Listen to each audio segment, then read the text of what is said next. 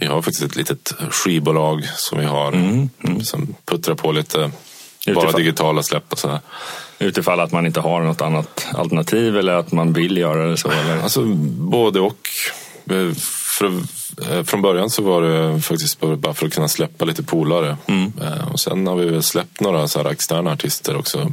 ehm, Som ja, oftast då Niklas eller Joakim har kommit i kontakt med. Välkommen till ett nytt avsnitt av Rock Dudes. Den här gången i avsnitt 99 ska vi snacka om mastering och mixning. Och gäst är Magnus Lindberg ifrån Redmount Studio. Redmount Studio eh, drivs eh, förutom av Magnus själv eh, även med hans kompanjoner Niklas Berglöf, en tidigare gäst här i podden och en kille som heter Joakim Jarl. Magnus är ju också medlem i bandet Cult of Luna. Han spelar trummor där.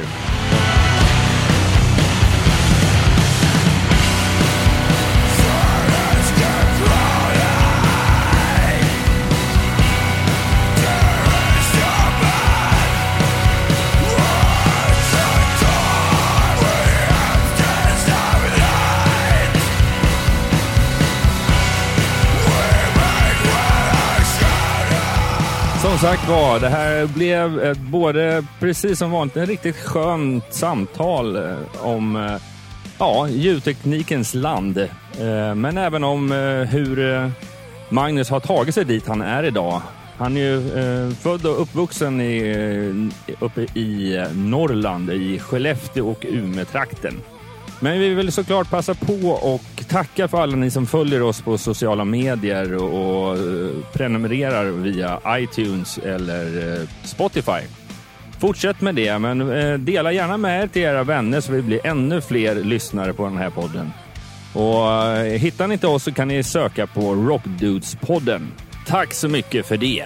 Ah, nej, nu är det slutpladdrat från min sida så jag tycker vi går över till eh, Flick Studios och intervjun med Magnus Lindberg. Hur står det till idag? Det är bra. Eh, Bättre nu än när jag inte kom sist. Ja, just det. Vi skulle spelat in för några dagar sedan och sen så bara... Ja, ibland är det där med minnet. Ja, Det, var en, eh, en, en blackout. Ja. helt enkelt. men det är sånt som händer. Ehm, men vad pysslar du med just nu? Vad, vad, vad, vad händer närmast? Just nu så sitter jag bara i studion och jobbar eh, mest med eh, mastering med lite mix också. Mm. Eh, så det är väl det jag egentligen fram till slutet av november som jag ska ut på en två veckors turné med, Kallt av med Lund. bandet. Ja. Eh, vi pratade lite om det innan, men eh, i och med att du har ju fullt tryck på... För du är ju masterare och mixrare. Mm. Eller mixare. Jag vet inte. Har man ett R där mitt i eller inte på svenska? Mixare. Mixare heter Ja. det. Ja.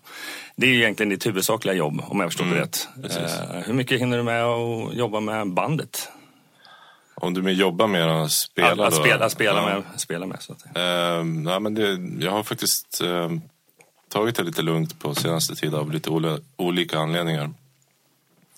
Delvis eh, studion också. Men eh, ja, det ska bli väldigt kul att komma ut och turnera här. Hur lång, hur lång eh, turné blir det? Hur många datum? Eller hur Eh, många det spel? är alltså, drygt två veckor här. Så jag vet inte hur många gig det är. Om det är 15 kanske eller någonting. Precis. Det beror på om ni spelar varje dag eller om... Ja. Ja, men i princip så gör man ju det. ja. ja. Det är lite dyrt att vara borta utan att Ja, gigga, precis. Och dels om man har vanliga jobb och dels är det så att eh, ja, resande cirkusen i sig kostar ju pengar varje dag. Exakt. Så det gäller att dra in pengar. Precis. eh, men det är runt om i Europa i varje fall. Eh, Mm. Europa, jag tror inte så mycket Sydeuropa, men det är lite England också. Tyskland och, och... eh, Tyskland, ja precis. Schweiz, Frankrike och ja, de där. Mellan- Centraleuropa kan man säga. Ja, precis. Mm. precis. När var du ute senast och spelade en sån typ av turné? Eh, det var en sista turné jag gjorde, senaste turné jag gjorde, det var eh, USA med Julie Christmas som vi gjorde. Ah. Det var två år sedan nu. Ja. Typ. Men Det blir la- lagom distans emellan i alla fall så att Mm. du blir riktigt sugen. Ja, vi har hunnit göra en platta emellan också så att det Mm. har ju varit lite ja, annat jobb inblandat. Ja, precis. Vad tänkte jag på? Eh, för du- är en av dem som har varit med bandet sen, sen ni startade om jag har förstått det rätt. Mm. Eh, har du, för att under tiden, har, du- har du under hela bandets levnadstid även jobbat med eh, yrket mixare och mastrare också? Ja, jag har jobbat i studion från, från dag ett egentligen. Ehm, eh, först då i Umeå på, på ett ställe som heter Tonteknik. Då. Ehm, Och sen här i Stockholm som eh, helt och hållet frilansare. Ja, säga. precis. så det, det har alltid varit liksom... Ja, men jag, jag har liksom hållit på med det här i, sen jag var liksom... Liten grabb eller? Ja, alltså typ... Vad är ditt Inte första... professionellt, men... Om, men om, om vi backar tillbaka och kollar lite på vem, vem du är. Eh, du pratar om Umeå. Är det där du är född och uppvuxen? Eller? Nej, det är 13 mil norrut. Skellefteå. Skellefteå är det va? Ja. För den som kan sin dialekt så kan man väl lite höra det. Ja, jag, jag hoppas att det finns kvar. Det vore det är väl lite de här- annars tycker jag. Ljusa tje-ljuden har jag för mig. Skiljer väl lite. Ja. Exakt. Ehm, Sju. tju. Men är det inne i Skellefteå eller var det till och med utanför någonstans? Nej, det var mitt i stan faktiskt. Inte i stan. Ja. Men ehm, nej, vad är ditt första musikminne? Oj. Som du kommer ihåg idag vill säga. Ja. Alltså det är nog typ att jag... Alltså mina, båda mina föräldrar är eh, musiker. Mm. Så det måste vara någon, någonting de har spelat hemma i Söder. Eller att jag var iväg på någon sån här eh, jazzkonsert eller nå, någonting sånt ska jag gissa. Precis, var det, var det just eh, jazzen som... Jag kommer ihåg till exempel också att de hade eh, Born in the USA på vinyl hemma. Som jag tyckte om väldigt mycket när jag var liksom, jag vet inte, Ja, för sex. precis. Nej, jag, vet- jag vet inte när den släpptes men eh, Ja, det var ju precis. ja, Jag, det var också en av mina första egna vinyler faktiskt, just Born in the USA. Så det måste ju varit den någon gång i mitten på 90-talet, eller 80-talet menar jag. ja precis. Eh, Jag är född 80 så jag måste ha varit ja, liten då. Ja, kanske fem sex någonting. Liksom. Ja. Eh, Men vad spelade de för instrument och typ av musik? Mamma är fortfarande än idag sånglärare Mm. på ett estetiskt gymnasium. Eh, Och pappa är väl lite mer multiinstrumentalist. Han är väl mycket sax och flöjt och Mm. ja, blås egentligen. Kan väl han spela bäst tror jag.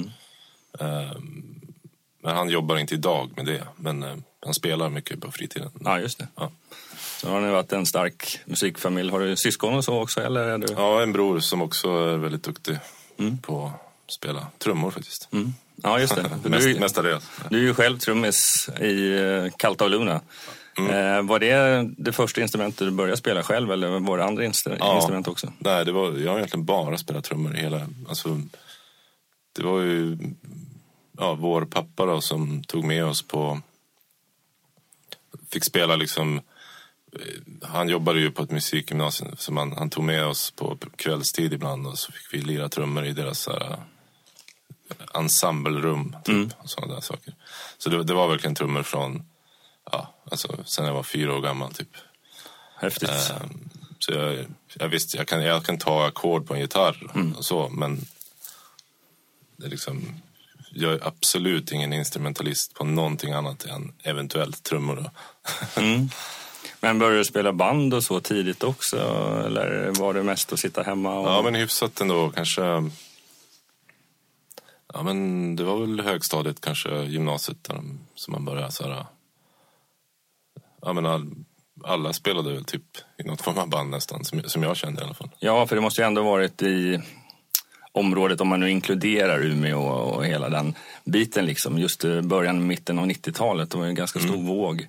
Ja, precis. Det, det, först Nirvana och allt det där och sen kom ju så här... Alltså i mitt liv i alla fall, punk och hardcore och sånt där. Ja, exakt. Det var ju med Refused och alla de här Ja, banden. precis. Ehm, ja, jag måste också... Men precis, men vi är ju någonstans där mitten, början på 90-talet. Ehm, ehm, du har, I och med att du jobbar, du jobbar ju med musik lite mera eh, tekniskt så att säga. Mm. Eh, När, när började du med det? Var det, var det samma veva eller? Eh, återigen, pappa min, mm. eh, han hade alltid en sån här liten eh, hemmastudio hemma. Typ en, eh, ja men, från början var det typ en Atari och sen blev det väl en Mac med mm. Cubase och sådär. Mm. Och lite syntar. Eh, ja, klassisk sån här liten hemmastudio. Eh, Precis, och idag är ju det varmans ja, ägo. Ja, liksom. Eh, Då var det lite mer exotiskt faktiskt att ha den typen av grejer hemma tror jag. Ja, för att jag, jag minns, jag har ju inte eh, på hemmaplan haft den, eh, den eh, lyxen så att säga. Men däremot så, när, för jag kommer ju själv ner från Småland. Mm. Eh, men när jag åkte upp till Stockholm och hälsade på min faster, hennes man har ju också spelat musik hela sitt liv, mera gitarrbaserat. Men han hade också, vet jag, Atari ganska, någon mm. gång där på 90-talet när man var uppe och hälsade på. Liksom. Precis, man lite... så hade man en sequencer då. Det var väl Cubase tror jag. Ja, men det var väl något sånt, vill jag minnas. Uh, I alla fall så då, jag menar redan från, från början så hade jag möjlighet att leka med lite sånt där. Mm. Uh, uh, och sen, ja, sen blev det väl liksom att det var det jag ville hålla på med på något sätt. Det, var, det är ganska fantasilöst. liksom, det är inte så... Men var det mer att du även skapade musik så att säga med Eller så att du mest och lekte runt med ljud? Och... Ärligt talat så kommer jag inte riktigt ihåg vad jag exakt gjorde då. Um, men när, när jag väl började spela i band och sådär, när man var runt, jag vet inte, 16, 17 kanske eller någonting, mm. 16 då börjar det bli aktuellt att spela in kanske demos med bandet. Och så sen vill man liksom mastra det inom mm. situationstecken så att det låter liksom Dugligt i alla fall. Ja, men som lite mer likt ens favoritplatta. Så, så då, det var egentligen då som jag blev riktigt intresserad. Alltså att, med hands-on och bara försöka få saker att låta coolt. Precis, för jag menar, på den tiden, jag vet inte, vi kommer ju gå framåt, eller vi kan egentligen ställa den frågan redan nu om, eh, hade du någon möjlighet redan i gymnasiet att gå någon form av utbildning eller nischer mot musik, musik på något um, sätt? Ja, det blev så, i gymnasiet så, jag hade ju kunnat gå eh, estetisk musik och där tror jag att man får hålla på lite med det mm. ändå. Men jag gjorde inte det, jag gick uh, naturteknisk. Mm. Vilket inte alls är fel, även om man ska Absolut hålla på med studiegrejer. Men äh, egentligen min första... Alltså jag gick äh, i Piteå, den här ljudutbildningen där. Mm, okay. när jag, efter gymnasiet. Mm. Så det var egentligen då som jag...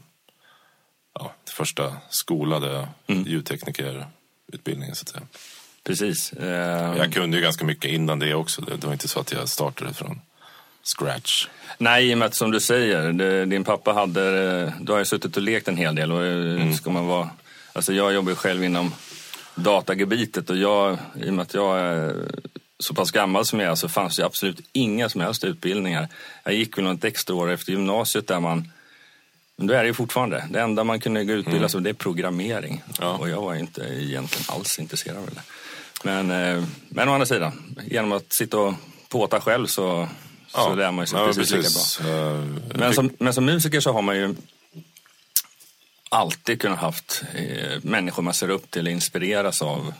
Mm. Fanns det på något sätt personer i din närhet eller tittar du på skivomslagen och, och se vem det var som producerade och kunde hitta inspiratörer? Uh, så, eller? Ja, absolut. Jag menar, eh, det fanns, jag menar, de plattor man tyckte lät tufft, och, eller det man gillade musikaliskt egentligen, där tyckte man väl att, ja men, vem eller vilka är det som är inblandade mm. i det här? Och, eh, jag menar, om man tar något så här klassiskt exempel så, så Steve Albini och, mm. och sådär. Kanske Pelle Gunnefelt och sådär, gamla punkgrejer och, och även då de som jag sedermera blev anställda av. Tonteknik gjorde mm. en del coolt också. Sådär ja, men då Refused till exempel. Eller, eller När var det du började? Gamla Nons, mm. Breach och mm. sådana där band liksom, som jag tyckte om rent musikaliskt. Som, där man ju ja, fick väl någon slags förebild, förebilder ja, där. Så precis.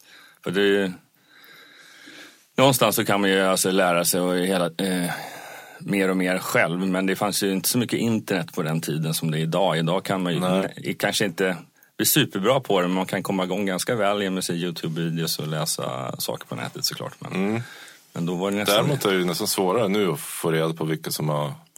Ja, jag vet. Ja, man inte, då ska man köpa vinyl då, typ. Men uh, förr i tiden så var det ju verkligen att då köpte man ju, jag köpte CD-skivor. Mm. Um, och då, där står ju allting. Ja, exakt. klart, och det är, klart och tydligt. Och menar, precis som i filmvärlden, där finns det åtminstone eftertexter som man kan sitta på paus om ja, det skulle ja, vara så. Liksom. Men musiken ja. är verkligen mm. eh, dumt med streamingen på det sättet, mm. att de inte anammat det. Ja, än så länge i alla fall. Det, det, har väl börjat komma lite grann i alla fall. Det gäller att hela tiden påminna dem om det. Så. exakt. Eller åtminstone se till att, för det finns ju vissa sajter sett att där man kan åtminstone säga Allting finns inte där, men det är upp till folk om de registrerar sig. Liksom. Ja, precis. Det är ofta det är inget måste. All Music och de här, det, det är mm. väldigt inkom i Discogs och så här. Mm. Men det är ju alltid, det saknas ju alltid liksom 70 procent av Ja, av det, ja jag kollar lite på dig liksom, i och med att du har jobbat med en väldans massa artister. Mm. Eh, och det är som du säger, det är nog kanske där runt 20-30 procent ja, som man kan hitta. Så, att, ja. så det är viktigt att dokumentera det själv om man vill visa upp det. Eh, men tonteknik där. Var det direkt efter gymnasiet eller var det, började du jobba redan uh, innan? Ja, det var direkt efter högskolan. Eller högskolan, förlåt. Ja, mm. Precis. Uh, jag fick göra praktik där. Mm. Uh, och sen, jag tror jag hade lite tur också att uh, han, Eskil, en av de som jobbade där, han, han skulle gå på pappaledighet precis då när jag mm. var klar med skolan. så då behövde de ju en. Så då jag fick jobb direkt. Liksom. Det är lite bananskalet där. Ja, ja, ja, precis. Um, och sen blev jag kvar där i nästan åtta år tror jag. Mm. Innan jag flyttade ner hit. Då. Vad, jobbar, vad fick du jobba med? Är det någonting som du speciellt kommer ihåg? Vilka band eller artister som du jobbar med då? Mm. Alltså, vi hade väldigt många eh, olika band från hela världen där faktiskt under den, framförallt runt kanske 2003 till 2006 kanske. Mm. Uh, det kom band från Mexiko liksom och uh, Tyskland, USA, Kanada. Så det var, det var väldigt kul på den, eh, de åren där. För mm. det var väldigt bra liksom, rullians och bra drag och uh, roliga människor som man fick jobba med. Och sen var ju, på vissa projekt så var jag mer av en assistent. Liksom. Ja, just det. Jo, men, men sen man... hade jag ju alltid en massa alltså, egna jobb så att säga. Var det sånt, gjorde du sånt på kvällstid eller fick du utrymme? Mm, nej, jag kunde ju, alltså, om jag hade en inspelning så med ett band som jag skulle jobba med, då mm. var det bara att boka studion som vanligt. Liksom. Ja, just det. Ja, men du hade så, samma, så samma rättigheter krockar, som alla andra. Ja, jo, absolut. Mm. Um, sen, sen där också började faktiskt eh, mastra också på, mm. på riktigt så att säga. Hur kom sig det intresset? Det är, det är inte, alltså, alltså utåt sett det flashigaste. Det är klart att det Nej. har en väldigt stor betydelse, både mixare och mastrare liksom, mm. för slutprodukten. Men eh, vad kom, hur kom du in på det spåret? Alltså, jag vet inte riktigt. Um, det var väl att jag fick börja göra det där på tonteknik. Mm. Uh, och då tyckte jag, jag tycker det är väldigt kul faktiskt. För att, uh, som du sa, det är inte det flashigaste. Det är inte som att prodda en skiva. Uh, i, Nej. i cred. Liksom. Credmässigt, men det lilla som jag har sett liksom i um... Men ja, men när man ser dokumentärer och sånt där så kanske man mm. kommer in till en masteringstudio. Liksom.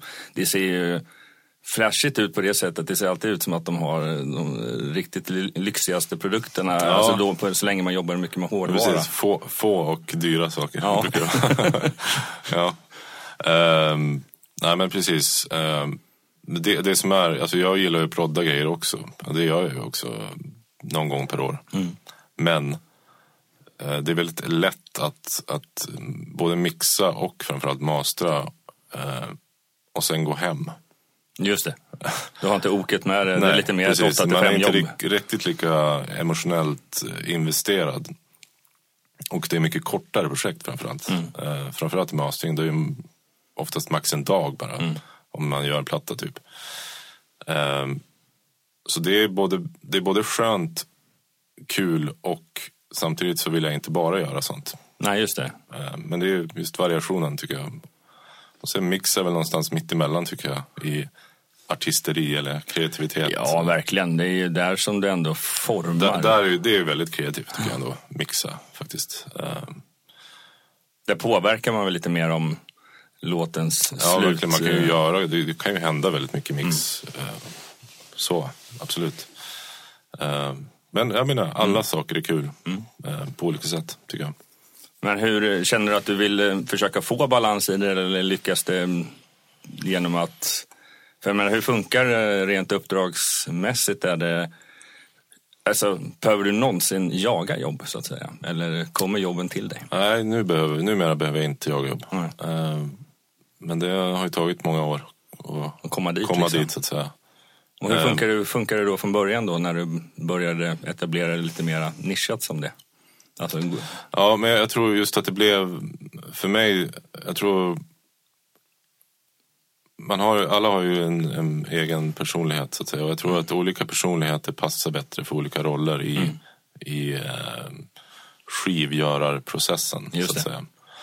Eh, Jag tror att jag passar ganska bra att hålla på med mix och mastering mestadels. Eh, eh, och sen har det också, tror jag, varit eh, gått ganska naturligt att, det, att man har nischat sig mot den typen av jobb på grund av att folk kan ganska, spela in ganska bra själva nu för tiden. Och, så här. Och, och också framförallt på, det började ju där i runt 8-9, 2008-2009 typ.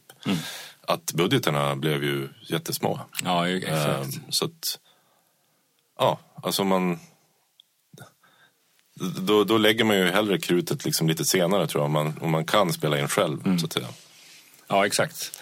Men Och kanske till och med mixa själv, då kanske man ändå lägger bort det sista steget. Och då finns det nog kanske lite fler jobb på, på den typen av...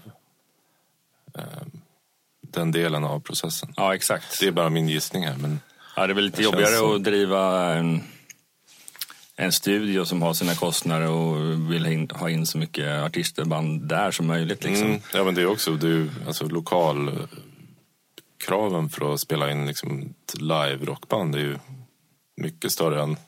Det känns som att det nästan blivit större idag trots att budgeterna är mindre. Alltså, eller det är bara min känsla, men jag vet inte, du kan ju mer det där. Alltså min känsla är ju att eh, de studiosarna, alltså riktiga studios, så att säga, stora studios som är kvar idag, de går det bra för. För att det finns en... Jag tror att folk har ledsnat också lite eh, på att sitta själva och liksom traggla. Ja, jag menar det är, det är som du säger det där med att olika människor är skapade för olika saker. Och jag tror att just det där, vissa människor, vissa kreativa människor trivs ju väldigt bra när man är tillsammans. Ja. Jag pratade Ja, med någon häromdagen om det, just det där med att ja, det är många som skickar filer fram och tillbaka hit och dit och varje instrumentalist sitter på sin kammare. Och det funkar väl för vissa, men vissa så får, kickar inte igång. Liksom. Nej, men det är inte lika kul oftast. Nej, jag menar, det var väl en, fanns väl ett skäl till varför man ville starta ett band. Ja, ja visst. Och sen, sen är det ofta så att en, en sån typ av process, för det har ju vi också gjort, vi kan ju komma till det, men eh, det tar ju också mycket, mycket längre tid.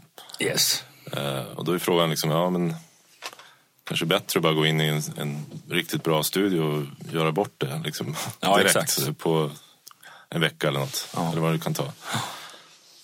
Jag pratade, satt och intervjuade, ehm, jag släppte ju häromveckan ett avsnitt med eh, australiensiska bandet Airborne.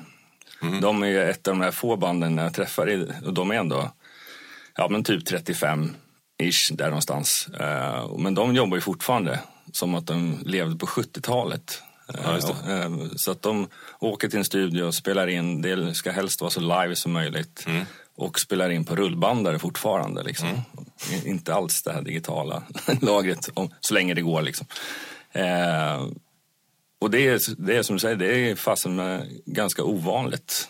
Eh, att, ha, att eh, verkligen kunna backa tillbaka så. Liksom. Ja, då, men nu ja. är väl de, nu har väl de i alla fall kommit så pass stort så att de har de budgeterna som de Ja. kan göra det. Liksom, och vara där i fyra veckor eller vad det nu var. Liksom. Ja, ja men det, är ju- alltså, jag tycker det låter jättekul. Ja. Alltså, ja. Ja, jag tycker bara var kul. inte om, om man, eh, jag tror, alltså, just spela in live och på rubban så det, för vissa band passar det jättebra. Ja, de för andra band är det helt omöjligt. Och, Ja, för exakt. att man inte jobbar så, eller funkar så. Det blir nästan tekniskt sett omöjligt kanske Ja. att få till den musiken man gör. Men de är ju, ja, det andas ju extremt mycket AC/DC Ja. typ musik. Och då är det klassisk rock'n'roll. Liksom. Ja, men då, då, sådana typer av band passar ju. Perfekt. Liksom. Ja. Ehm, men ja, du, är inte, du har jobbat väldigt länge, eh, så på det sättet kan man säga att du är gammal i branschen. Men du har ju också genomgått de här, vi snuddade vid det nyss, liksom att den här att, eh, transmissionen av musikbranschen. Från stora budgetar, eller i alla fall hyfsade budgetar, till mer minimala. Eh, vad blev, blev det någon direkt upplevelse för dig, eh, den övergången? Rent, eh, alltså, påverkade det dig något? Rent? Ja, det kan man absolut, det gjorde det. Eh, när jag fortfarande var i Umeå. Eh, för det gick ju inte för oss att driva den där studion där på slutet av 00-talet. Ja, just det. det. blev ju liksom... Ja, det var för stora... Alltså, det var svårt att driva en stor studio i Umeå i början av... Eh, I slutet av 00-talet. Ja. Eh, helt enkelt. Så absolut så märkte jag det. Eh, eller vi märkte det. Ehm, för det var verkligen, jag skulle säga, för, för oss eller för den studion så kanske det var ett tapp på liksom, jag vet inte, två tredjedelar säkert. Ja, det var alltså så pass. mindre, minskade så här, snittbudgetar Ja. på alternativ rockskivor så att säga.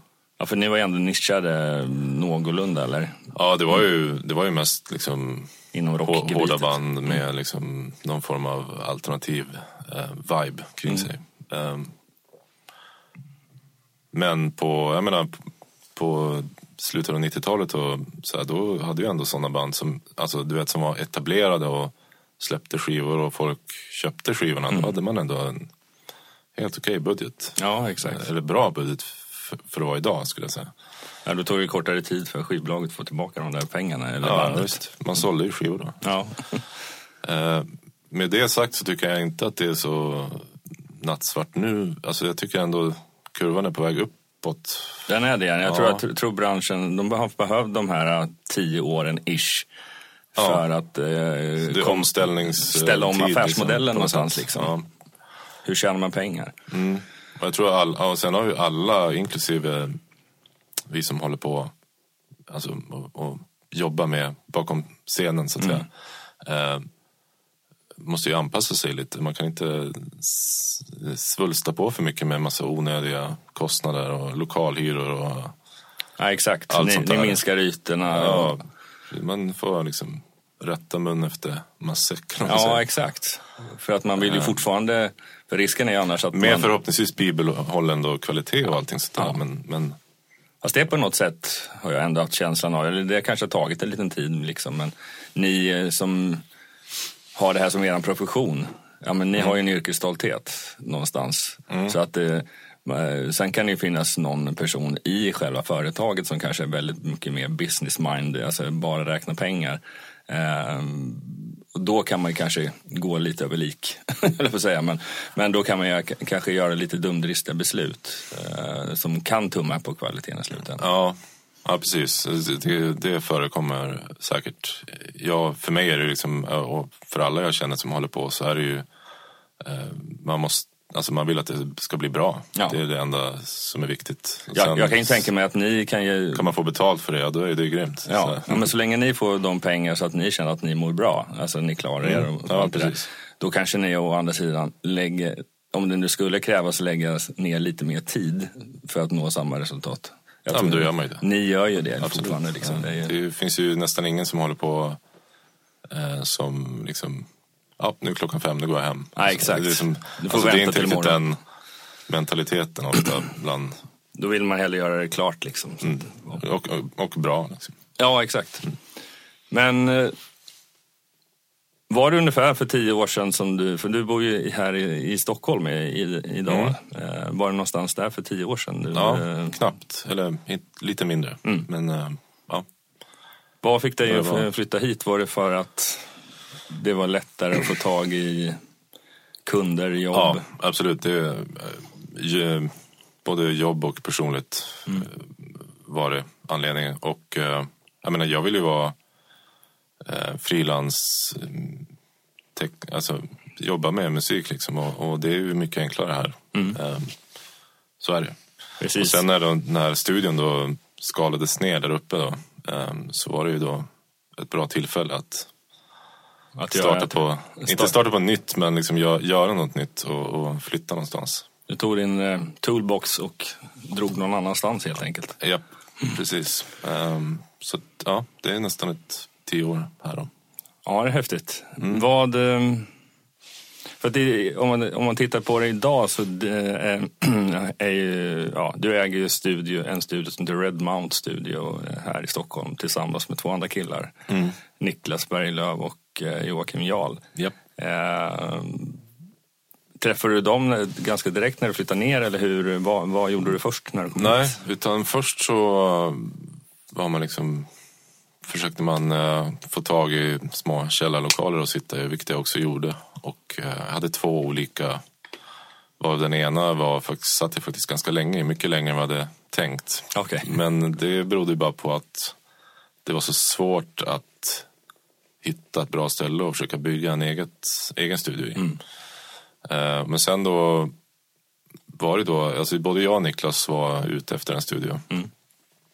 Och vi var och kollade på, på rätt många lokaler alltså. Mm. Och, men för det liksom, det vi kände att vi hade råd med så var det ändå, ah, för det måste industriområdena, så lite, ändå inte jätteroliga ställen Nej. tycker jag. Ehm, men eh, då, sen så visade det sig att då Niklas gamla kompis Joakim också ville mm. flytta till en liksom, större ställe. Så, så då blev, vart vi tre här plötsligt och då blev vi den ekonomiska sitsen kanske lite bättre? Den blev eh, Budgeten mycket blev bättre. bättre. Ja. Precis, när man kan dela en hyra på tre. Ja, exakt. Eh, och då, då hittade vi den här lokalen som eh, vi gick och tittade på. Så här, och det, ja, det var ju liksom...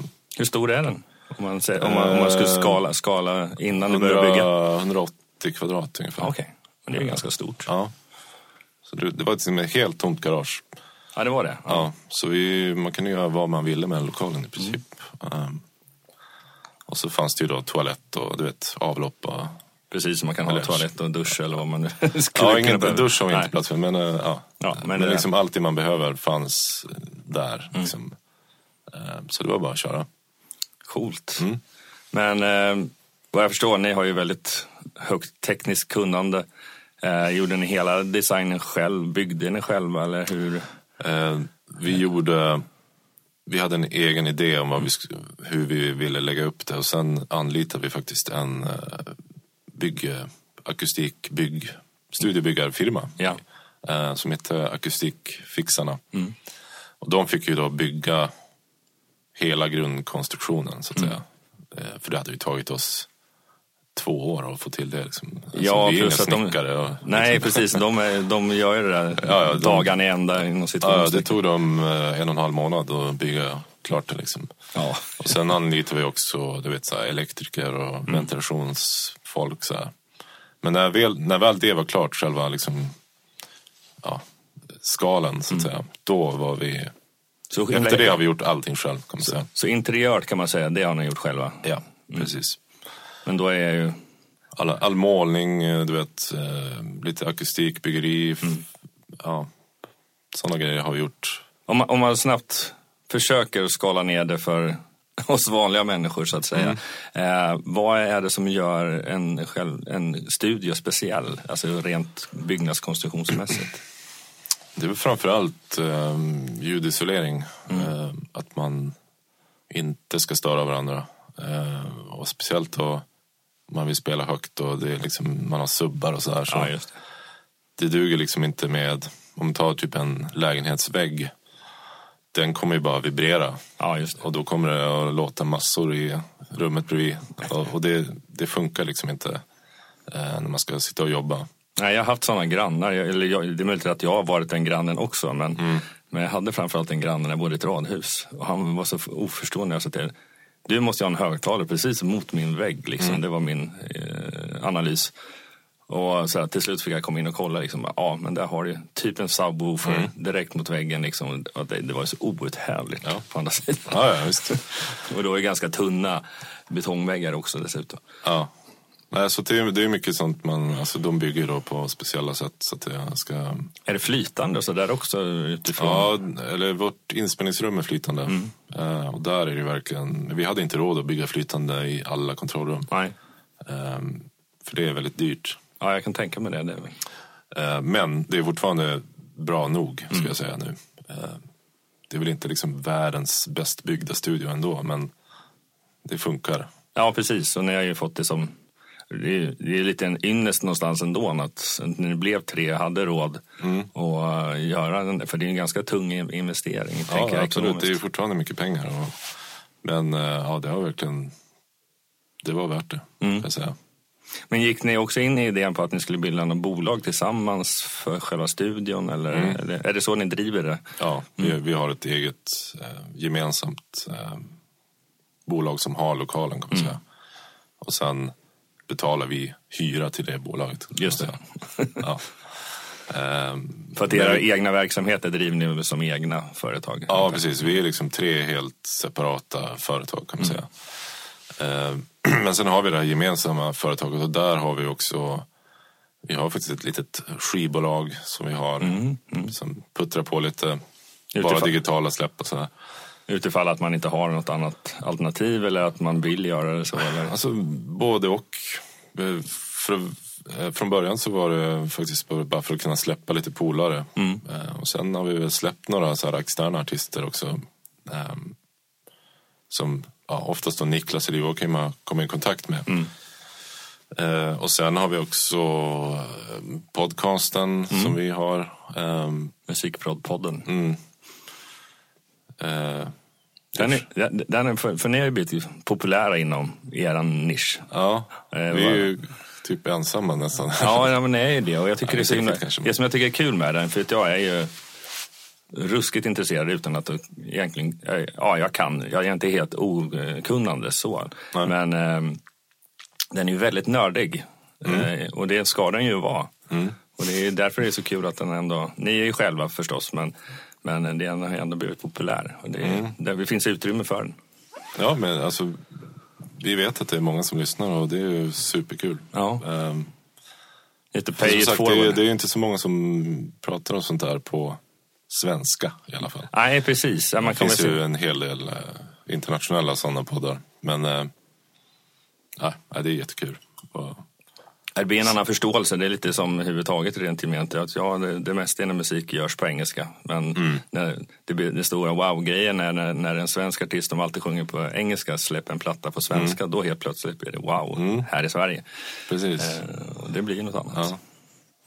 Plus Ja. att det, man kommer lite, det finns större chans att man, träff, att man skulle kunna kontakta er och ja, etablera någon form av relation om det skulle behövas eller så. Ja, vi sa det från början att ehm, för att vi ska vara liksom... eh, vi gör det på svenska, för det, det finns redan engelska språkiga sådana där. Och jag menar, även om jag anser mig vara rätt okej på engelska, eller Ja, helt ja. okej, Ja, ja. så är det inte samma sak som att prata svenska. Eh, Man blir alltid lite- Speciellt i facktermer och sånt där. I och för sig är ju många av dem på engelska, men ah, Ja, men det, det är roligare att prata svenska helt enkelt. När jag, alltså på den tiden när jag inom IT höll på med utbildningar och sånt så var det några gånger man gjorde på engelska. Och där kan man ju, jag kan ju tycka å andra sidan att det är lite så att där kan man klara sig. Men ska man kanske lite mer passionerat eh, berätta om någonting och berätta om ja, vad den nu kan vara. Exempel, anekdoter eller vad som helst. Till slut så hamnar man ju begränsande faktum Ja, för ja, att man visst. kan inte språket kanske till hundra procent. Precis. Eh, Då blir det lite... Har kanske- man varit i USA någon vecka då, då, då, det flyter det på annan sak. bättre. Men, Ja. men ja, om man inte har pratat på länge så, så blir det lite man, tappar, man tappar vissa detaljer. bacon direkt. bacon. kan bli lite taffligt kanske. Ja. Eller framförallt, eh, vi svenskar är ju experter på att vara, eh, klanka ner på när det inte är korrekt. Mm. Ja, precis. Trots att ja, man borde skita i det egentligen. Ja. Men eh, jag tycker det kul. Dels, eh, jag har lärt känna er lite via podden och jag tycker det är så himla kul för att ni, ni jobbar ju med lite olika saker. Jag menar, Joakim är ju mer den här renodlade producenten. Mm. Niklas lite både och. Eh, jobbar mycket med mixing, mixning och eh, produktion. Mm. Och du är lite mera eh, mixare och masterare. Liksom. Men ni är också ganska olika som personer när man lyssnar på er. Du är den typiska lite mer norrländska. Mm. Ja, ja. Niklas eh, Pratkvarnen. bra kvar. Precis. och Joakim, där, ja, men han var lite... Ja, ja, men, Han är lite mer datanörden. ja liksom. exakt så ska jag nog säga. Han, han, skulle, han var redan från början den man, jag själv kanske Han är ju vår. IT-expert kan Ja. man säga. Han, du, det är han som styr upp alla nätverk och sånt där. Så Ja, jag vet, han är kom- bra på det där. Precis. Eh, men vad, vad... Det här är oftast en ganska knivig fråga, men vad ser du dina styrkor som eh, i, ja, jobbet, mixare, ma- ja, mixare och masterare? Ehm, oj. Jag tror att jag är ganska bra på att... Alltså att jag, jag, jag är ganska tekniskt bevandrad i, eller liksom i hur man får så- alltså det här hantverket. Men jag tror också att min musikbakgrund från min familj eh, jag anser mig väl vara ganska musikalisk. Och den kombinationen tror jag är extremt viktig när man jobbar med eh, mix och mastering eller liksom i studio i allmänhet. Att man verkligen har både och. Dels verktygen, eh, kunnandet att faktiskt utföra det man det den andra hjärnhalvan tycker att man ska göra. Ja, exakt. Men det är verkligen att man behöver båda två tycker jag. För att jag, jag gick för eh, 11 år sedan så gick jag en, en kortare utbildning på SAE eh, här i Solna.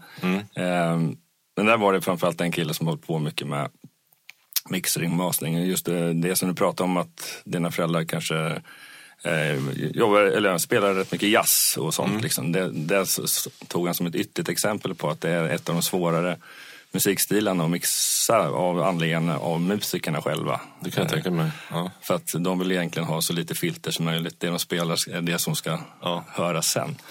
Eh, Men å andra sidan så krävs det ju sin musik musikalitet på grund av det. Men eh, han berättade också att vissa sådana här mastrar, de är ju väldigt analytiska, alltså så frekvensanalytiska, nästan, nästan till nördiga.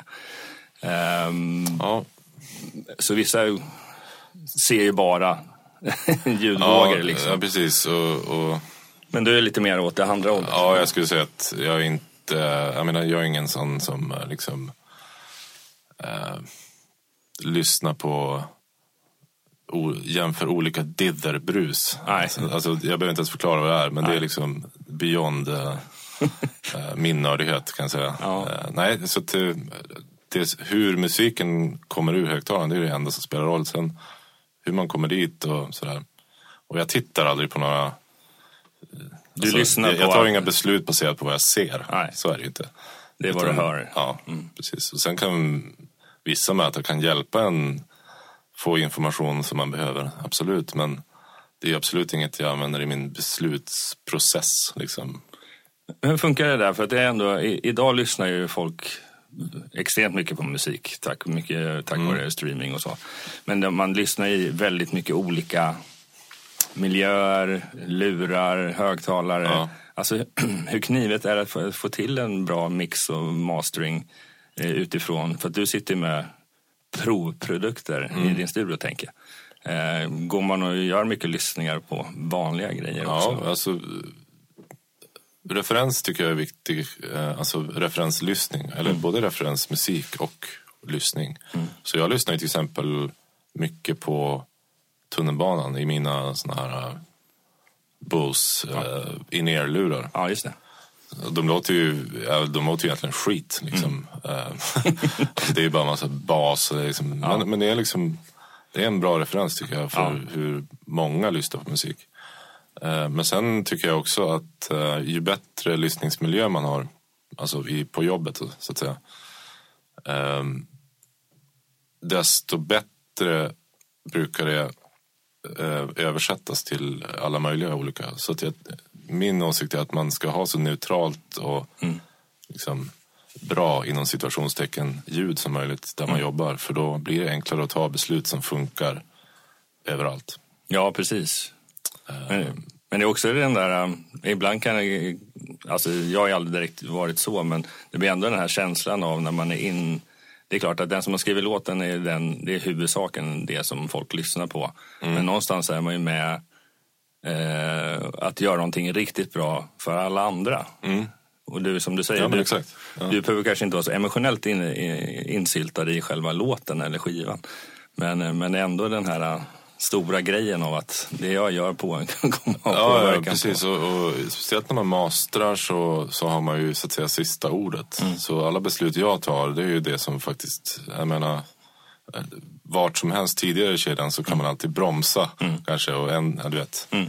Eh, Och kanske eventuellt korrigera lite i nästa steg. Just det. Men just i mastering så gäller det att ha lite koll på, på läget och, och höra vad man håller på med. Precis. så att man inte missar någonting som är förstör lyssningsupplevelsen för ja, fansen. Då. Precis. Men utgår du egentligen från en nollställd, om du snackar lite tekniskt, liksom, man får in det här stereospåret, så ska du göra det här sista krispet på den i en mastering. Eh, börjar du med ett tomt projekt eller har du så här, jobbar du med mallar beroende på genre? Jag eller? inga mallar alls. Du börjar från början? Ja. Mm. Eller jag har ju templates med, med liksom Som blir som någon form av referens, tänker jag. Uh, alltså jag har templates som, där de verktyg jag an- använder ofta finns inlagda redan så att jag ska slippa addera allting igen. Men nej, jag, jag, ingenting...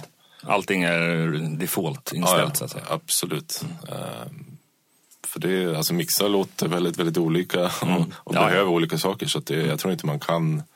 Ja, mixning är väl lite mer så. Jag tänkte just masteringen kanske lite mer. Ja.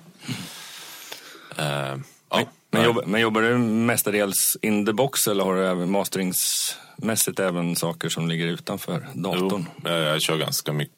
Alltså jag har ju något form av klassiskt hybrid-tänk där jag försöker använda det bästa båda världar. Ja. Eh, Så att eh, jag har en del outboard som jag använder varje dag på, på alla typer av jobb. Eh, Eller nästan alla typer av jobb. Eh, Jag vet inte, jag, jag tycker det, tjänar på det. För mig i alla fall. I mitt workflow så, så ger det mig någonting och ger, tycker jag också, musiken någonting att använda de verktyg jag har valt. Ja, precis. Du, Men med det sagt så, det mest, alltså, det mesta ligger ju i ja precis. Men det är liksom det här, jag brukar säga att jag målar med, man målar stora penseldrag analogt och sen all precision och liksom fine-tuning det med pluggar och, eller digitalt. Ja, precis. Ja, man har ju en liten annan palett just i datorn. Där är, finns, där är egentligen allting oändligt någonstans. Ja, men du kan ju göra så mycket i datorn som är helt omöjligt att göra eh, i en analog burk. Så Ja. att, eh, och det är ju kanon. Alltså det, jag behöver verkligen de verktygen också. Eh, Det är nog visst det kanske där med att skruva på rattar också Mm. ja men absolut. Alltså, det finns en taktil... Eller just det här med att man lyssnar istället för tittar. Tycker jag är viktigt. Eh, för mig. Eh, så att när man, ja, man ska EQ och så här, att man verkligen bara... Hur låter det? Och hur Men, känns det? men finns det sådana um, outboard som egentligen bara är en digital förlängning? Om man nu gillar att skruva med Kontrollytor, rattar. ja. Kontrollytor. Exakt. Ja. Jag, jag har faktiskt en sån grej. Men, men det är liksom inte... De är bra, absolut. Kanske när man ska grovt... Ja, men det, det finns bra såna också. Men, men det är fortfarande inte riktigt samma sak tycker jag. Eh, rent taktilt Nej. heller. Ja, det händer Men, men det är med- klart att det finns, finns såna lösningar som, som funkar väldigt bra för Ja, för folk som vill liksom känna istället för att titta. Att. Exakt. Ja, jag kan tänka mig just när man eh, eh, gör de här grova penseldragen så kan det, vissa kan jobba snabbare på det sättet Mm. än att sitta och dra och klicka. Och, Men jag, jag är å andra sidan förundrad över hur extremt, alltså det finns någon likhet mellan datorgamers och eh, de som jobbar med musik för att Mm. de är så otroligt snabba. Eh, Det är klart att om vem som helst sitter och övar och gör allting väldigt många gånger då blir Mm. man ju snabb. Men eh, när de här lite mer amatörmusikerna sitter och klickar ett klick i taget. Liksom. Mm. ja, det, precis, ja. det tar veckor. Inga Och- kortkommandon. Alltså. Nej, precis. Eh, Men eh, utrustningsmässigt, du är mer i PC-världen eller är du i Mac-världen? Nej, jag är faktiskt i PC-världen. Mm. Något så exotiskt som en... Ja, jag har faktiskt snackat lite, för det har varit några polare som ja, men de vill bygga någonting hemma och de frågar mest mig om val av dator i sig. Och det är, mm. det är, det är lite, det, brukar säga att det spelar ingen roll. Det har egentligen med vilka, vilka ekonomiska resurser och vad du är van vid att jobba mm. med. Ja, absolut. Um, vill de bygga någonting riktigt jäkla kraftfullt och för en lagom ringa summa pengar då kanske PC-världen har lite mer valmöjligheter i varje fall. Men vad, har du alltid jobbat PC-mässigt? Ja. Eller? Nej, nej. Eh, farsan hade faktiskt först eh, Mac. Mm. Alltså way back. Um, Men då var det nästan bara det som fanns, så PC var ju inte... Nej, precis. Det var, det var liksom, nej. Men sen någon gång på grund av hans nya jobb tror jag det var, så bytte han till PC. Så det blev ju ett, ja, då blev jag inskolad, in, inskolad i Windows-världen. Så att mm. säga. Och då, sen dess har jag bara, det har blivit så. Mm. Ja, och, och, som du sa, alltså det spelar ju verkligen ingen roll. Alltså det är bara ett operativsystem vem bryr sig? Så länge det funkar och är stabilt så är jag nöjd. Ja, och sen är det ju, vad man är, alltså... Men sen just det, hårdvarudelen på macken mm. är ju såklart, det är så mycket dyrare och så här, om man är liksom lite kunnig och lite halvnördig som man är mm. så, så är det väldigt lätt att bygga ihop en väldigt, väldigt kraftfull dator eh, i PC-världen. Ja, idag, med egna komponenter och så här. Exakt. Då kan du och verkligen... det är precis det jag har gjort och jag är supernöjd med min workstation. Ja, precis. För i Macvärlden är lite mer, där köper man en färdig produkt. Mm.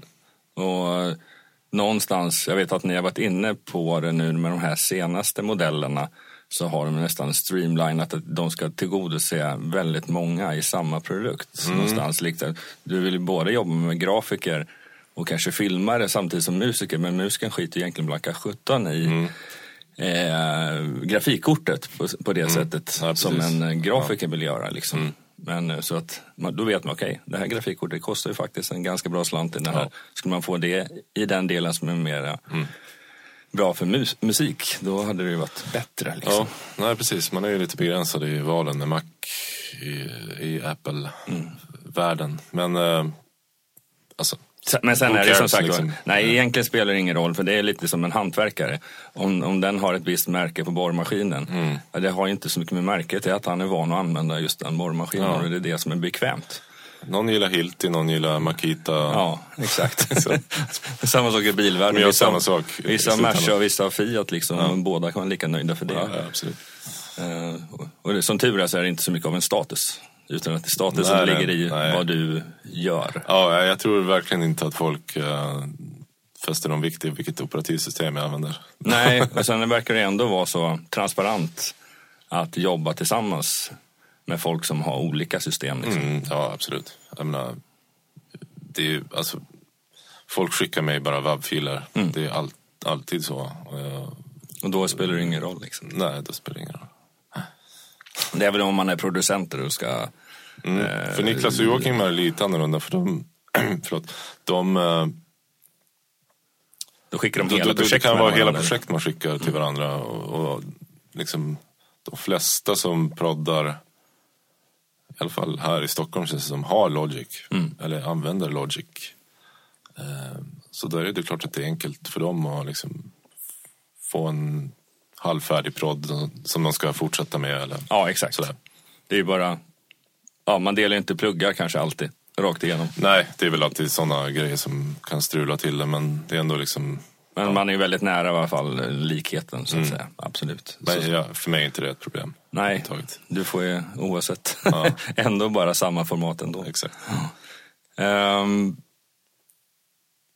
vad skulle du säga, alltså jag kan tycka att, att få jobba med det man älskar mest och få typ gjort det hela sitt liv. Mm. Eh, på gott och på ont. Det behöver inte vara ett, ett livslångt intresse men när det gäller just musik och kanske andra estetiska och kreativa saker så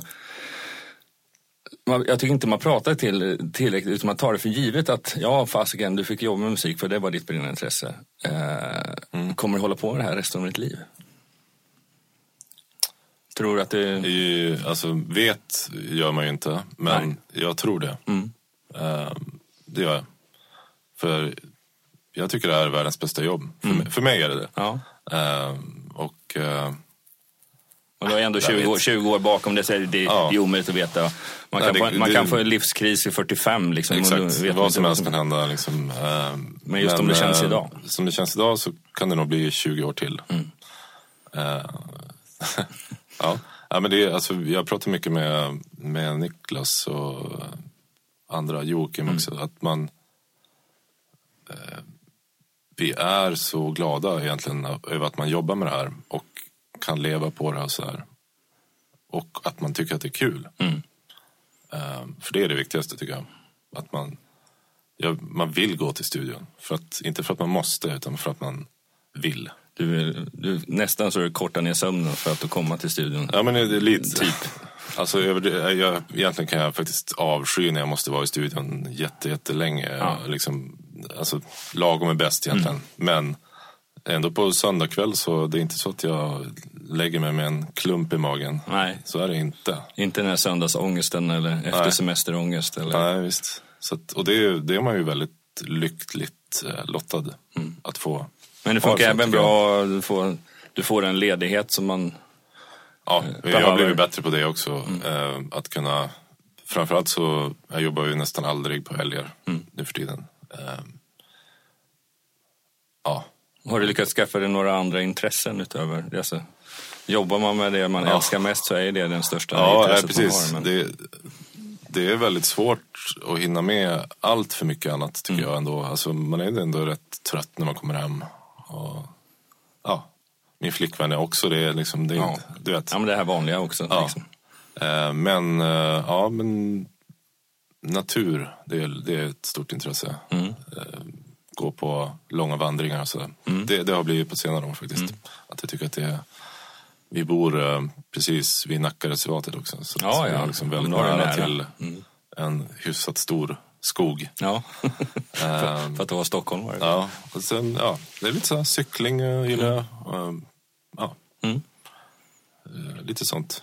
Precis. Hänga med kompisar, det, är det vanliga. Ja, exakt. Men det är fast... Det är ingen hobby direkt. Men... Nej, det är ingen hobby, men det är lika väl viktigt kanske. För att det, det kan jag tycka, framförallt är...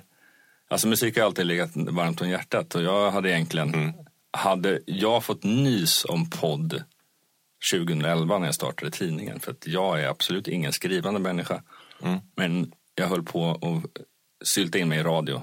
Det blev tyvärr inte det. Och då bara, nej jag måste för att jag var i kontakt med så mycket nya band. De får aldrig se, se ljuset någonstans liksom, så att då startade jag tidningen. Men egentligen är det det här mediet som jag tycker är kul och det går ju att lägga hur mycket tid som helst och i och med att jag har ett heltidsjobb utöver det här Ja. så blir det alltid den där balansen. Har man andra intressen, jag gillar sport och sådana grejer Ja, också. Liksom. Men det, man har 24 timmar på dygnet eller 365 dagar på året. Det gäller- Exakt. och sen Ja. har, man, eh, har man barn så är det ju... det är inte, Ja, du har det är inte små att- barn eller? Ja, jag har en dotter på sju. Mm. Så det är klart att eh, alltså man tyckte att det, barn tog tid som de ska göra. Jätteroligt, jag ska inte, jag ska inte säga någonting annat. Eh, när, de var, när hon var mindre. Men det är egentligen nu och framåt. Det är nu som man måste börja inse att man måste faktiskt prioritera rätt. Ja, ja. Men å andra sidan kan jag tycka att då jag väl gör de här andra grejerna så eh, har man jäkligt roligt. Lite mer disciplinerat. Mm. Och inte bara spåna iväg. Och... Nej, precis. Men jag, jag, kan, ibland kan jag bli lite avundsjuk på eh, såhär, just när det gäller musiklyssnande till exempel. Ja, hur mycket ny musik hinner du lyssna på? Ja, alltså jag, jag försöker. Men, men det är klart att om jag hade haft ett jobb där jag, typ som du, satt kanske vid en dator och knackade kod. Jag vet inte Ja. vad du gör exakt. Men, Nej, men eh, låt säga det. ja, eh, då hade man ju kunnat lyssna på musik på arbetstid hela tiden.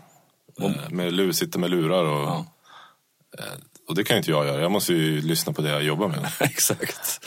Så den grejen kan jag sakna lite grann. Att, att man, jag lyssnar ju mindre på musik, alltså annan musik, Ja. än den jag jobbar med. Än vad kanske du gör, gissar jag. Ja, jag, jag misstänker det. För det, är, det här säger många musiker också. Mm. Det är klart att många musiker har en stor passion i att lyssna på mycket musik. Men det, det som slog mig först liksom, när man intervjuar stora eller små band är Mm. just att många av dem lyssnar inte på musik i huvudtaget på sin, på sin fritid så att säga. Och eh, då, så det är ändå lite int- intressant iakttagelse. Att man, man, man kanske blir så mättad också så man måste ju någonstans ehm, Ja, precis. Ja, men det, det är klart att jag, jag lyssnar ändå på musik eh, och man måste ändå hålla sig lite ajour upp. kanske. Ja, precis. Um, och och det, jag försöker få tid på det. Och där är ju mycket så här, pendlingstiderna är ju bra ställe att göra det Ja, på tycker jag. Um, men med det sagt så, ja. Nej, men det, man, eh, man blir väl lite så här yrkesskadad. Att man, om man har jobbat åtta timmar med eh, musik så kanske inte det första man gör när man kommer hem med att slå på en platta Mm. och, och lyssna på den. Utan då kanske man vill ha tyst en stund. Ja, exakt. En, en liknelse där var ju samma när utbildningen på SAE. Det är en kille som heter Ian där som då var någon form av rektor. Man höll lite utbildningar också. Men han sa ju inledningsvis när man började utbildningen på att nu sitter vi här med ett vitt och ett blått piller. Vitt piller neutraliserad precis som det var innan. Blå pillret arbetsskadad. Alltså, han jobbar mycket med ja, filmmusik eller någonting åt det hållet. Eller ja, ljud eh, allmänt. Men han sa det, han tog det där blå pillret på en gång. Mm. Back in the days. Men han kan inte se på en film som en vanlig människa. Nej. Han sitter bara och analyserar hur, olika ljud och hit och dit. Och det kan jag tänka mig, det måste Mm. ju vara eh, men så inom musik också. Mm. Eh, för vissa i varje fall. Ja, alltså där måste jag säga att jag ändå är ganska bra på att eh, skilja Arbete. Ja, precis. Alltså, om jag lyssnar på någonting som bara för att lyssna på det, som musik betraktat, så, så sitter jag inte och tänker på ah, den här virveln låter lite dålig. Alltså, jag, jag gör inte det. Nej, men vad skönt. Det- Visst, alltså, då kan det hända att man kan så här, reagera över Mm. att någonting låter bra eller någonting, wow, det här låter så bra eller dåligt för Mm. den delen. Eh, men nej, så, så pass analytisk eh, är jag absolut inte när jag lyssnar på musik för nöjes skull. Musik är ju väldigt analog eh, som betraktelse eh, oavsett att vi idag gör allting i dator. Eh, men alltså, utvecklingsmässigt, vad, du pratar om att man ibland måste bara försöka hänga med. Vad, vad är den stora utvecklingen, eh, eller har varit kanske de här senaste fem, tio åren? Eh, bortsett från att det hamnar i datorn så att säga. Tänkte du tekniskt eller, Ja. eller musikaliskt? Eller? Ja visst, man kan ju dra musikaliskt också. Men det kanske är, alltså, är det mycket utveckling inom det tekniska om vi börjar där? Eller är det bara att datorer blir snabbare och projekten blir större? Och... Svårt att svara på när man är i det. Jag, t- jag tänker att man, om man hoppade tillbaka tio år så kanske man skulle, wow, oj. Men eh, jag tror det som har kommit nu det är de här intelligenta produkterna, så att säga. AI inom situationstecken produkterna som alltså, är någon slags här, hjälper folk att skruva till något sound liksom, eller ta bort någonting jobbigt. Eller, och de är ju extremt, kan ju vara extremt användbara men också kanske ibland inte vara helt... Eh, alltså man måste veta vad man håller på med på något Ja, sätt absolut. ändå. Men, men det, är väl, det är väl där det har, tycker jag, kommit lite så här nytt som verkligen inte fanns alls förut. Eh, sen är ju ja, alla plugins och så har ju blivit mycket bättre. Och, Blir de mera naturtrogna så att säga? Eller som... ja, nu tänker jag på emulationer. Ja. Ja, jo, men, ja, men så är det väl kanske. Jag tycker väl inte att de är där eh, fortfarande. Nej. Jag tycker, det, liksom, jag tycker det låter lite bättre med vissa liksom,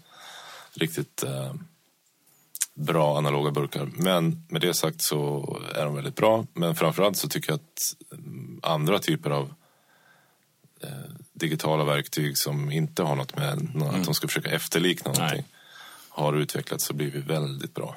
Eh, ja, det är ganska det är ganska lätt idag ska jag säga att få till något som funkar jämfört med säg digitalt för tio år sedan. Det, är nog, det finns ju bättre verktyg idag. Ehm, ja, typ så. Ja. Men eh, om vi snackar musikbranschen som sådan så har vi ju pratat lite om att eh, branschen har ju haft en kraftig, ja vi kan kalla det för utveckling de senaste tio åren sedan det, ja, fysiska produkter såldes inte lika mycket, du köpte inte lika mycket skivor. Man börjar streama mer, eh, det blir en helt annan mm. ekonomisk situation. Eh, men nu börjar vi landa lite i det. Det kommer säkert behövas ett antal år till. Men ja. den gamla processen den har ju levt sedan 50-talet ish fram till eh, 00-talet någonstans. Mm. Eh, tror du att det här sättet som vi jobbar på idag, är det någonting som kommer leva över tid?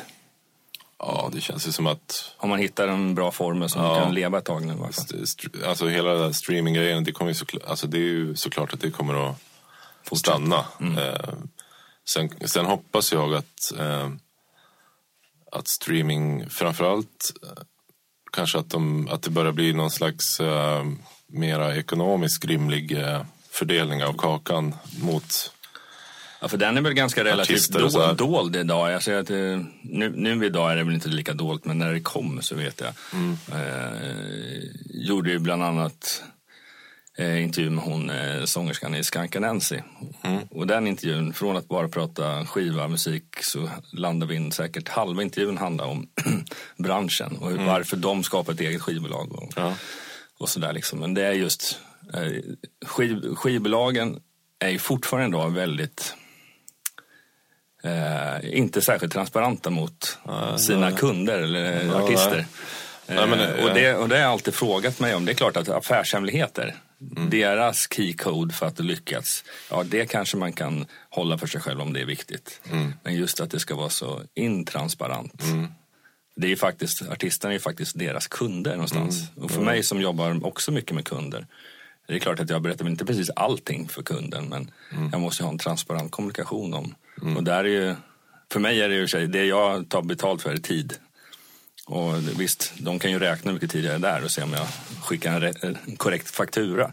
Men där är det ju väldigt lätt liksom. Men hur betalningar sker i musikbranschen, det är en formel som inte är synlig för alla. Nej, alltså jag är ju verkligen ingen, ingen expert på, eh, på den biten mitten, det är ju egentligen typ Niklas och mm. Joakim, mm. Eh, mina kollegor där, som, de kan mycket om sånt där. Men eh, jag hoppas väl att, att det, alltså, det känns som att det måste nästan till någon form av eh, översyn över det där, mm. eh, förr eller senare. Och det kommer, för, hoppas jag, när liksom hela streaming eh, ja, men, branschen, om man ska säga, mm. har, har kanske mognat och det är väl kanske fortfarande i början tänker jag, av utvecklingen. Ja, exakt. Och sen vi... hoppas jag även att det blir just det där vi pratade om tidigare med credit så att det blir mycket, att det finns en så enhetlig uh, um, standard för att sånt sker på ett bra sätt. Mm. Uh, och sen blir det väl säkert med snabbare och snabbare mobiluppkopplingar så ja. blir det väl säkert kanske bättre och bättre kvalitet. Alltså mm. att man kanske till slut skiter i liksom MP3 96 ja, K filer på Spotify liksom. Även på low settings. Ja, ja exakt. Um, det som är hög idag är kanske det som är lägsta då. Ja men exakt. uh, så att, um, ja. och sen jag hoppas jag att, jag menar det här med vinyl, att det är så poppis. Och, hoppas det fortsätter lite grann. Ja, precis. Man kan ju tycka vad man vill om själva vinylskivan, men det är ju faktiskt formatet. Vi är en människa, vi har ögon och vi har en begränsat mm. sätt att se saker och ting. Mm. Vi gillar ju, kanske finns många som gillar konst, stora tavlor. Liksom, ja. det, vinylen är lite så för musiken. Ja. Plus att där är det väldigt enkelt att få plats med all den här informationen. Mm. också, ja, ja, precis. Väldigt. Men eh, det leder lite in i alla fall på en sak. Men du får ju pengar betalt, ja, x kronor för ditt jobb. Mm. Men får du pengar på annat sätt via credits också? Du tänker royalties ja. och sådär? Nej. Nej. Nej. Så det är det du får av skivbolag? Slash... alltså visst, eh, nu har det väl hänt att jag har haft någon, kanske någon procent på något jag har proddat och så men men då, är, då har du gjort en sån deal just. De, ja. Proddningen kanske är annorlunda? ja, det är annorlunda. Eh, men nej, alltså för mig så är det verkligen man betalar det är mer för det som en konsult så att säga? Ja, mm. precis. Uh, exakt. Sen, ja, Sen är jag ju medlem i ett band också, men, mm. det, men det är en annan sak. Men uh, ja. Men hur gör ni? det är Har ni hur eh, släpper ni eh, musik i bandet? Har ni något eget skivbolag som nätverkas uppåt? Eller? Eh, Den här skivan, nya skivan är ju Metal Blade. Ja, just det. Metal. Ja, Mm. att det är de som sköter allt det där. Mm. Ehm, det verkar funka bra. Ja, jag har precis. inte så mycket kontakt med dem Nej, efter jag levererade filerna. Så. precis. För att när du spelar in, spelar du in trumdelarna själv eller? Eh, Nej, jag spelar inte på skivan. nej, nej du, du gör inte det alls. Nej, eh, och det har jag inte gjort på flera skivor tror jag. Mm. Utan det är Thomas eh, som spelar all, alla trummor. Mm. Och så har jag suttit bakom spakarna. Just det, då har du mer proddat. Eller ja, in, ja, spelat vi in att proddar säga. egentligen allihopa kan man säga, men ja, proddat ljudet kan man Ja, säga. har varit i, eh, the sound engineer Ja, eller vad man kan kalla det. Ja. Nej, så att eh, den här nya skivan då, den, där gjorde vi faktiskt den, vi, som vi snackade om förut, att vi åkte till en studio i Norge faktiskt. Eh, och spelade in tillsammans i ja, två veckor knappt. Och det var jättekul och det gick hur bra som helst eh, att jobba så. Mm. Eh, Vi hade två olika stationer och sådär. Så vi fick väldigt mycket gjort på de där två veckorna. Och det var, och då, sen, det var liksom nästan klart när man kom hem. Mm. När mixar, mixade du plattan också? Eller var det, precis. Även ma- under en ganska lång tid. även masterade också? Ja. Det är inget jag...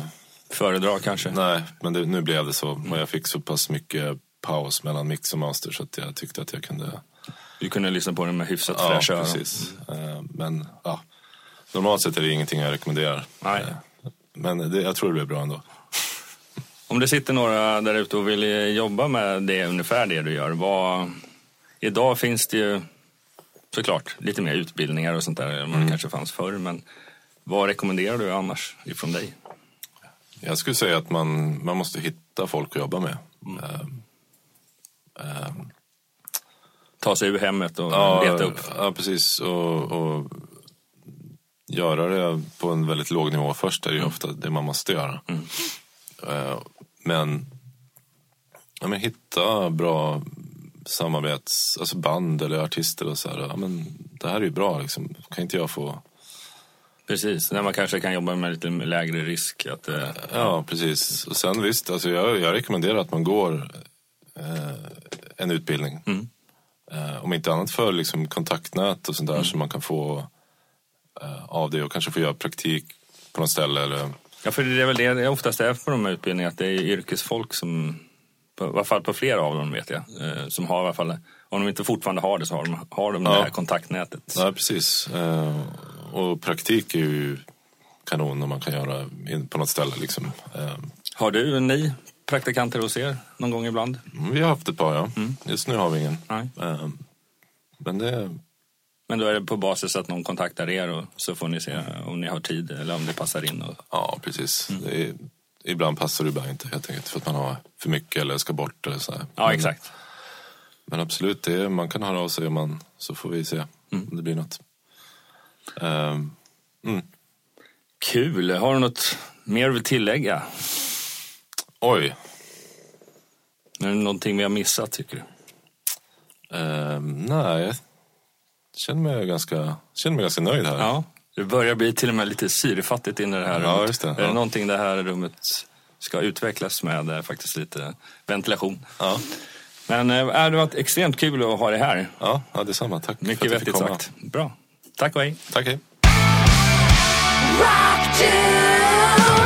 Tack allihopa för att ni har kommit ända till slutet av Rockdudes nummer 99 där Magnus Lindberg gästade oss och pratade om mixning och mastering. Ja, nej, riktigt intressant, eller vad tycker ni? Ja, jag är riktigt eh, stolt och eh, imponerad över detta avsnitt. Vill ni veta mer om Magnus så kan du, eh, så kan du dels besöka Redmount Studios hemsida, eh, redmount.studio är det kort och gott. Eller så kan ni söka upp dem på sociala medier. Och gällande Cult of Luna så är de ju ute på turné och framförallt så har du ju släppt lite ny musik här under hösten. Så gå in och kolla på det via Spotify till exempel. Eller varför inte köpa en fysiskt e- exemplar av det också i din närmaste skivbutik. Som jag sa tidigare så är vi såklart jättenöjda med att ni följer oss på sociala medier som Facebook och Instagram. Fortsätt med det och dela med er eh, det till era vänner och bjud in dem. Och gärna eh, börja prenumerera på våran podcast via iTunes eller Spotify. Har ni, inte, har ni problem att hitta oss så kan ni kort och gott söka på Rockdudes-podden. Gingen är inspelad av Jonas Hermansson, Peter Månsson och Mia Coolheart. Och det här avsnittet är inspelat och redigerat av Jonas Löv. Ja, det var allt för den här gången, gott folk. Och nästa gång, ja, det har ni säkert räknat ut, det är avsnitt nummer 100. Det blir lite jubileum och då blir det faktiskt så att Ömer var hemma på ett besök från Barcelona och vi satte oss ner i eh, studion och snackade dels hur det är att eh, fortsätta driva sitt skivbolag när man har flyttat utomlands vad har hänt? Och det har ju skett en hel del märkliga och roliga kampanjer den senaste tiden. Eh, bland annat som har med Greta Thunborg att göra. Det måste vi dyka lite djupare i. Och eh, sen så tittar vi såklart tillbaka på vad som har hänt. För det är inte bara så att vi firar hundrade avsnittet utan att vi har ju även hållit på i ganska exakt fem år när det här avsnitt nummer 100 släpps. Så eh, det blir en del anekdoter om, om vad som har hänt under de här fem åren och de här hundra avsnitten. Så det här kommer nu bli riktigt kul och intressant. Så, och det släpper vi inom en till två veckor efter det här. Men fram tills dess, rock on!